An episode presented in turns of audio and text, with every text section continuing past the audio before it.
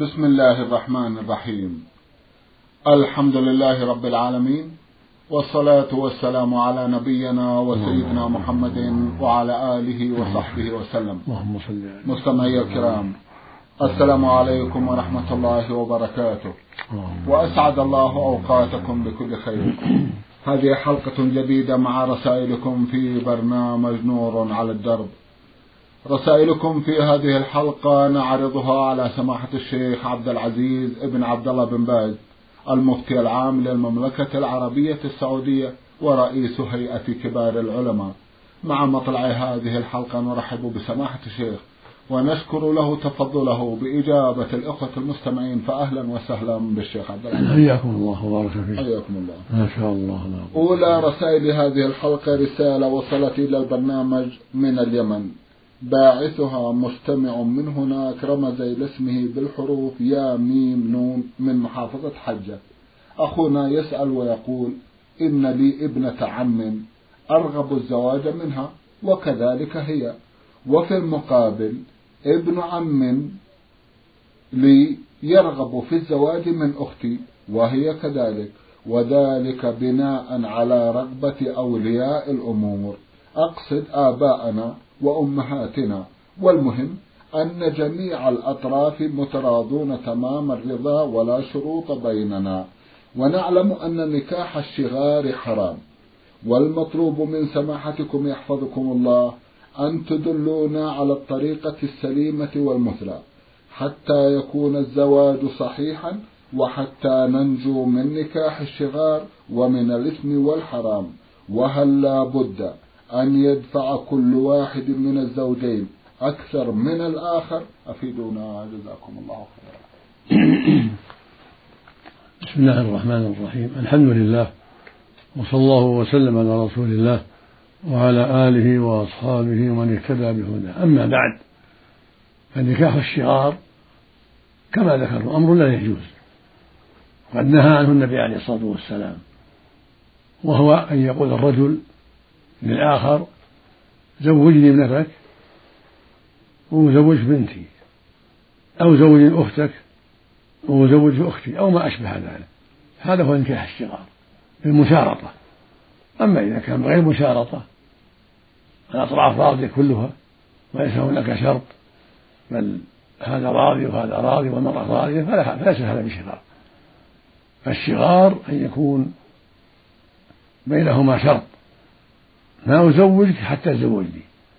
هذا هو الشغار أما إذا كان كل واحد راغب في زواج الآخر ولو لم يتزوج الآخر هذا يزوجه أخته وإن لم يزوج الآخر أخته وهكذا بنته إنما اتفقوا من دون دون شرط أن هذا يزوجه أخته وهذا يزوجه أخته أو بنته.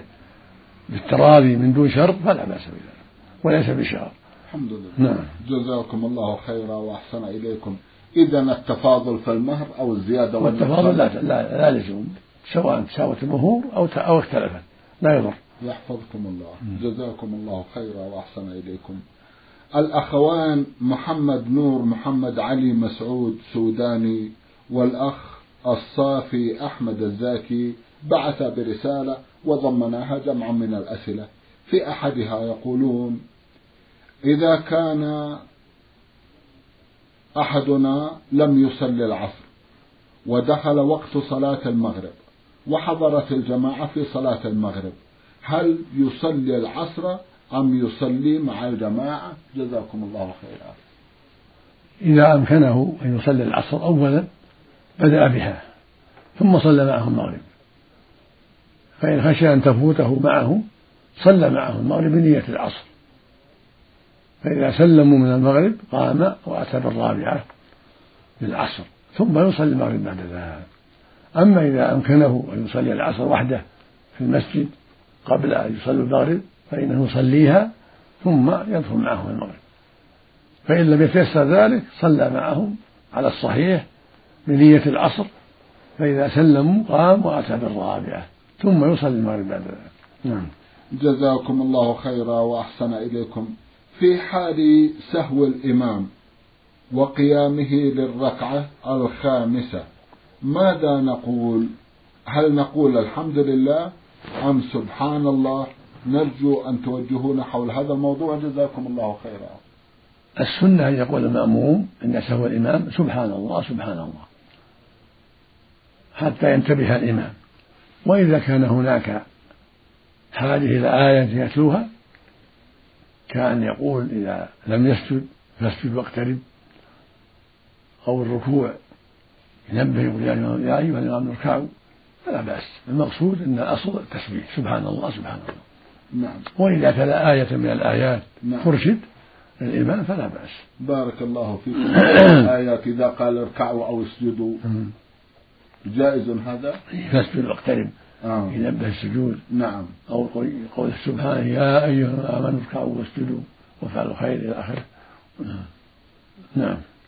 بمعنى أن يتلفظ بآية من القرآن الكريم تتفق وحال الإمام نعم مثلا نحط للسجود قبل أن يركع. فنبه على الركوع. تقول اركعوا. نعم. ما شاء الله. يا أيها اركعوا واسجدوا. نعم. طيب. طيب جزاكم الله خيرا. والأصل هو التسبيح. إذا إذا حصل به المطلوب الحمد لله. سبحان الله سبحان الله. طيب. نعم. يقول أنا رجل مقيم في المملكة ولي أسرة في السودان. هل أفطر هذه الأسرة من معيشة السودان أم من معيشة السعودية؟ من من معيشة السعودية أولى لأنك تقيم فيها. طيب. من قوتك أنت. طيب. ولو نوت ولو كفرت ولو أطعمت بما يعيش ما يعيش في السودان كانت تكون عيشتهم الذرة أو الرز فلا بأس. لكن كونك تفطر من معيشك أنت أولى. نعم. جزاكم الله خيرا وأحسن إليكم. يقول أنا راعي إبل وضاعت مني ورحت على أثرها وكنت صائما لرمضان. ولم أجد شربا ولا أكلا في وقت الإفطار. وأصبحت في اليوم الثاني ونويت الإفطار وفعلا وجدت الأكل والشرب حوالي العاشرة صباحا ولم أمسك باقي اليوم. ماذا علي؟ أكرمكم الله وسدد خطاكم يقول أنا راعي إبل وضاعت مني ورحت على أثرها وكنت صائما لرمضان. ولم أجد شربا ولا أكلا في وقت الإفطار. وأصبحت في اليوم الثاني ونويت الإفطار. وفعلا وجدت الأكل والشرب حوالي العاشرة صباحا ولم أمسك باقي اليوم ماذا علي؟ أكرمكم الله وسدد خطاكم. لا حرج عليك إذا كنت مضطرا في الأكل والشرب خوفا من الموت أو من المرض فلا بأس. لكن الواجب عليك الإمساك لما يسر الله لك الأكل والشرب أن تمسك. فعليك التوبة إلى الله من عدم الإمساك فقط. والقضاء. قضاء اليوم الذي أفطرته. أما كونك أفطرت لأجل الضرورة كونك بقيت يومك وليلتك لم تجد أكلا ولا شربا فإذا كنت مضطرا لذلك فلا حرج في ذلك والحمد لله. إنما الواجب عليك لما أكلت وشربت أن تمسك بقية نهارك. وأنت لم تفعل جهلا منك فعليك قضاء ذلك اليوم. نعم. مع التوبة والاستغفار. نعم. سماحة الشيخ من بقي يوما وليلة حتى العاشرة صباحا بدون أكل ولا شرب هل هذا عذر أو لا؟ إذا كان يشق عليه. الناس يختلفون. الناس إذا كان يشق عليه هو عذر له. وإن كان ما في مشقة يكمل. مثل أخينا في الصحراء ويبحث عن آه، رعيته. الظاهر أنه يشق عليه كثيرا. الله المستعان. ظاهر. إذا يرى عذره ظاهر. بارك الله فيكم. نعم. أحسن الله عذره ظاهر. إذا يرى سماحتكم أنه معذور. نعم نعم. وليس وليس عليه القضاء. عذره ظاهر. لا قضاء اليوم يقضي. اليوم الثاني اللي أكل فيه. أيوه. ذاك ما في قضاء. ذاك ما أكل ولا شرب. أي الله المستعان. جزاكم الله خيرا وأحسن إليكم. بعد هذا رسالة بعث بها المستمع عبد الجليل محمد يسأل ويقول هل يجوز إزالة ما في القبور وقد طال عليها الزمن حتى يستفاد من أرضها؟ الواجب بقاء المقبرة على حالها ولا يتعرض لها. فتبقى الأموات فيها على حالهم ولا يتعرض لها بزرع ولا غيره. لكن دعت الحاجة إلى أن يقبر فيها قبر فيها. مع الأموات السابقين عند الحاجة والضرورة وإلا فالواجب إيجاد أراضي أخرى. كل ما امتلأت أرض يوجد أرض أخرى للدفن. تكون مقبرة. نعم. جزاكم الله خيرا وأحسن إليكم.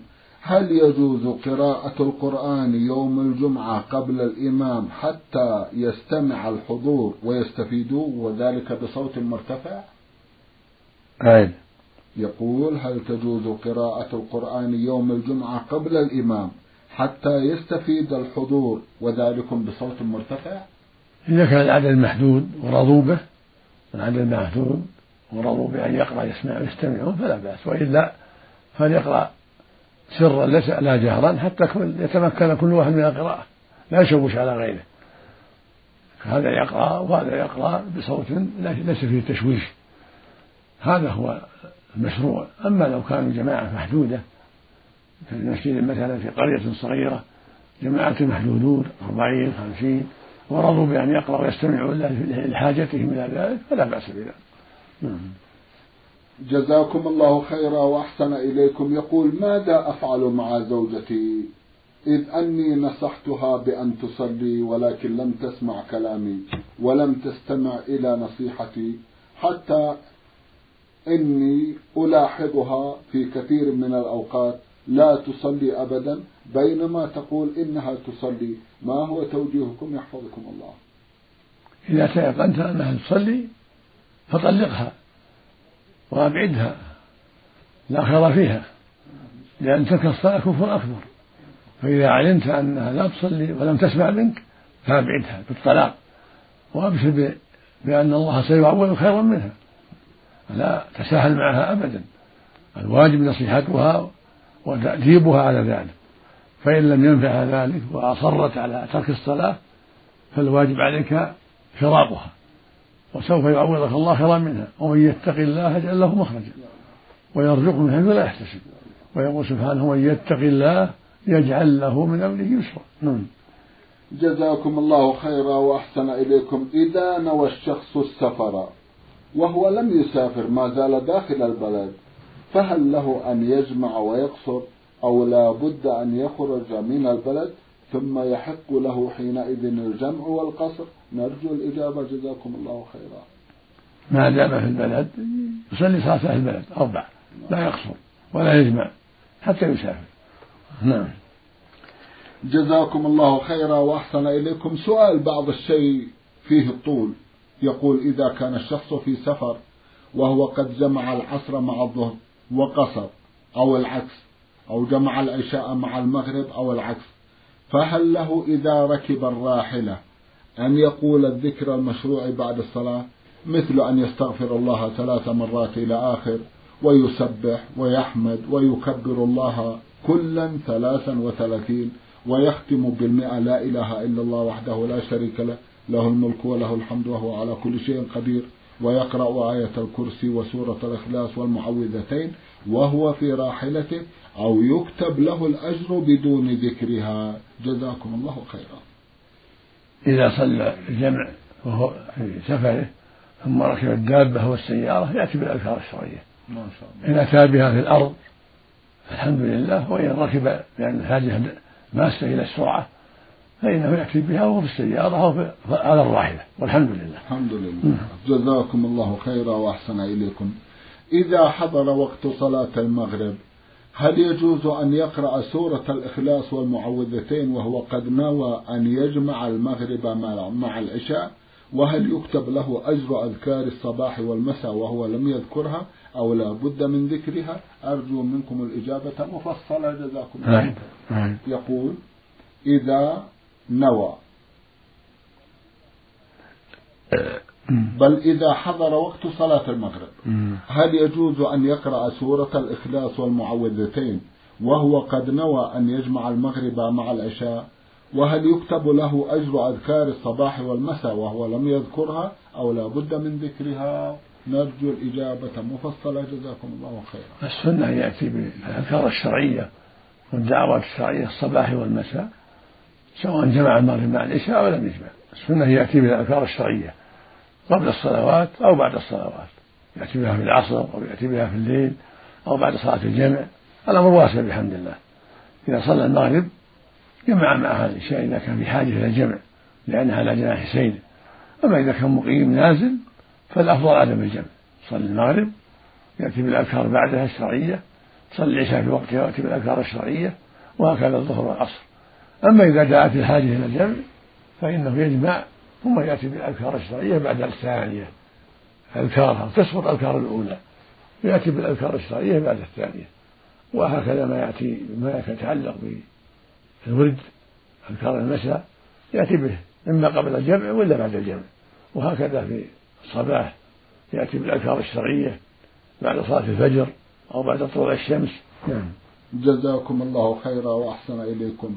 من الجزائر العاصمة رسالة وضمنها صاحبها ثمانية أسئلة. في أحدها يسأل ويقول اشرحوا لنا حديث رسول الله صلى الله عليه وسلم.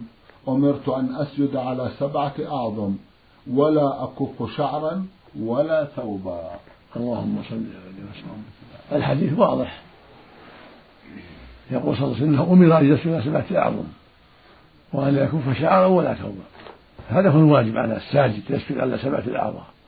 على جبهته وأنفه هذا واحد كفيه هذه ثلاثة ركبتيه هذه خمسة أطراف قدميه هذه سبعة. ولا يكف شعر لو كان لها رفائل عمايل يتركها لا يزويها تسفل معه. أو طرف ثوبه كأكمامه أو طرف عمامته لا حرج. السنة هي يسجد بها. لا يكفها وقت السجود. يسجد على العادة التي هو عليها لا يغير شيء. لا يكف شعرا لا شعر كم لا شعر رأس ولا كم ولا عمامة بل يسجد على الجميع ولا يكف شيء. خضوعا لله ورغبة بما عنده وإقبالا على الخشوع وحذرا من التشويش وعدم الخشوع. نعم. جزاكم الله خيرا وأحسن إليكم. هل يجوز الأكل في الأواني التي فيها صور؟ لا حرج في ذلك لأنها ممتهنة. الأواني ممتهنة مثل البساط وأشباهه لكن ترك الصور أولى كون يشتري أواني ما فيها صور أولى وأحسن. وإلا في الأواني والملاعج وأشباهها هذه ممتهنة. مثل الفراش ومثل الوسائد النبي صلى الله عليه وسلم لما أنكر على عائشة القرام الذي فيه الصورة الصورة اتخذ منه وسادتين يتكئ عليهم النبي عليه الصلاة والسلام. وجاء في حديث أبي هريرة أنه لا مانع من البساط الذي فيه الصور وينتبه يعني يمتهن يستعمل لا بأس. أو يتخذ منه وسادتان منتبذتان فالحاصل أن ما كان ممتهنا بساطا أو وسادة أو متكئا فلا بأس. والأواني من جنس ذلك. الأواني والملاعق نعم. وأشباهها من جنس أنها ممتهنة مستعملة في الحاجات للأكل ونحوها. نعم. لكن عدم وجود الصور أطيب وأحسن. نعم. جزاكم الله خيرا وأحسن إليكم. هل تجوز الصلاة في ثياب لا تصل إلا إلى الركبتين؟ في حق الرجل لا بأس. أما المرأة لا لو أن تستر بدنها كله إلا الوجه. أما الرجل فلا بأس. إذا ستر ما بين السرة والركبة وستر العاتقين فلا بأس. يكون رأسه مكشوف الساق كذا لا حرج. لكن يكون في زينته المناسبة وفي عادته المناسبة يكون أفضل. لأن الله سبحانه يقول خذوا زينتكم عند كل مسجد يعني عند كل صلاة. يكون المؤمن يصلي في حالة حسنة كاملة هذا أطيب وأفضل. وإلا فيجزي. لو بدأ ساقاه أو كشف رأسه لا حرج في ذلك. لكن يستر العاتقين. لقوله صلى الله عليه وسلم لا يصلي أحدكم في ثوب أحد ليس على عاتقيه منه شيء. في لفظ ليس على عاتقه منه شيء. أما المرأة فهي عورة كلها تستر بدنها كله ورأسها. إلا وجهها. إلا إذا كان عندها أجنبي تستر وجهها أيضا. وإن أبدت الكفين فلا حرج لكن سترهما أولى خروجا من الخلاف. نعم. جزاكم الله خيرا وأحسن إليكم. يسأل سماحتكم يحفظكم الله عن عدد الأنبياء والرسل وعن الفرق بين بينهما. لم يثبت في عددهم حديث صحيح. لم يثبت في عدد الرسل والأنبياء حديث صحيح. طيب. ويروى أن الرسل ثلاثمائة وبضعة عشر والأنبياء مئة ألف وأربعة وعشرون ألفا لكن الحديث ليس بثابت. ضعيف نعم. الله جزاكم الله ولكنهم الأنبياء كثيرون والرسل أخص أقل. نعم. نعم جزاكم الله خيرا. يسأل عن الفرق يحفظكم الله. الرسول هو الذي يؤمر بالبلاغ. طيب. يوحى إليه ويؤمر بالبلاغ يرسل إلى الأمة يبلغها. والنبي هو الذي يوحى إليه في نفسه لكن لا يؤمر بتبليغ الناس.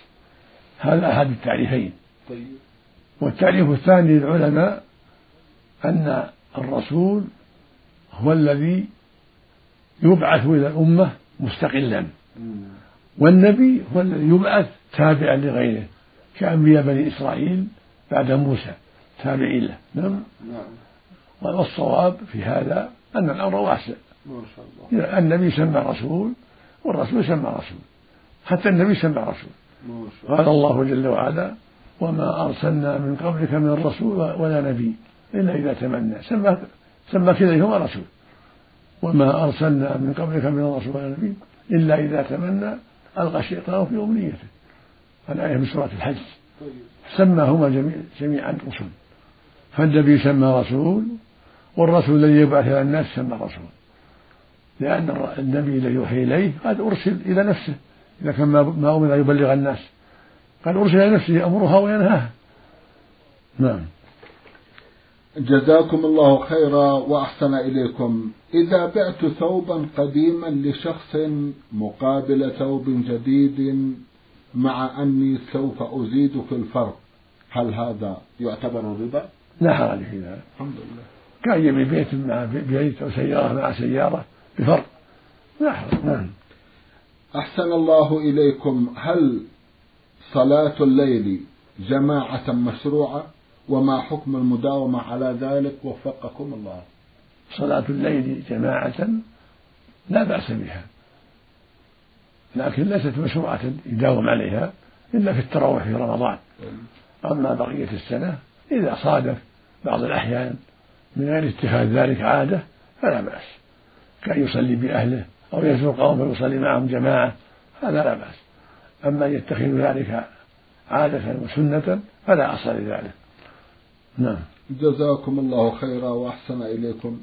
شخص عليه دين كثير والشخص يشتغل بالتجارة وفي كل عام يخرج الزكاة ويعطيها لصاحب الدين حتى يقضي عنه دينه. هل هذا العمل مشروع؟ نعم شخص عليه دين كثير والشخص يشتغل بالتجارة وكل عام يخرج الزكاة ويعطيها لصاحب الدين حتى يقضي دينه. هل هذا العمل مشروع؟ إذا تواطأ ولا لك لا. أما إذا أعطاه لفقره أعطى الإنسان لفقره ثم هو رأى أن يوفي منها من غير تواطؤ ولا اتفاق فلا حرج. أما أن يقول الحكية حتى تعطينيه ما يصلح. نعم.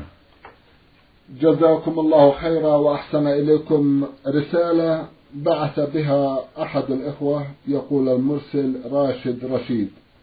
أخونا يسأل ويقول بعض الناس يقول إنه لا مانع من أن تسلم على زوجة عمك الكبيرة في السن وكذلك زوجة خالك وأنا ممتنع عن ذلك. وعندما أقول إنه لا يجوز يقولون أنت فرقت بين العائلة فما هي الإجابة الصحيحة؟ وفقكم الله. السلام على زوجة الأخ زوجة العم زوجة الخال لا بأس الكلام أما إذا كان المراد بالمصافحة أو التقبيل ما يجوز لا يصافحها ولا يقبلها. أما بالكلام السلام عليكم كيف حالك يا فلانة؟ يا زوجة العم يا كيف أولادك؟ لا بأس بهذا.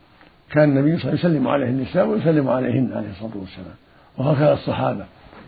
فأنت تسلم على زوجة أخيك وعلى زوجة عمك وخالك وجيرانك لا بأس. لكن مع التستر مع الحجاب وعدم الخلوة وعدم المصافحة. نعم. جزاكم الله خيرا وأحسن إليكم. يسأل سماحتكم عن أولئك الذين يصلون وقد أسبلوا أيديهم. هذا خلاف السنة مكروه.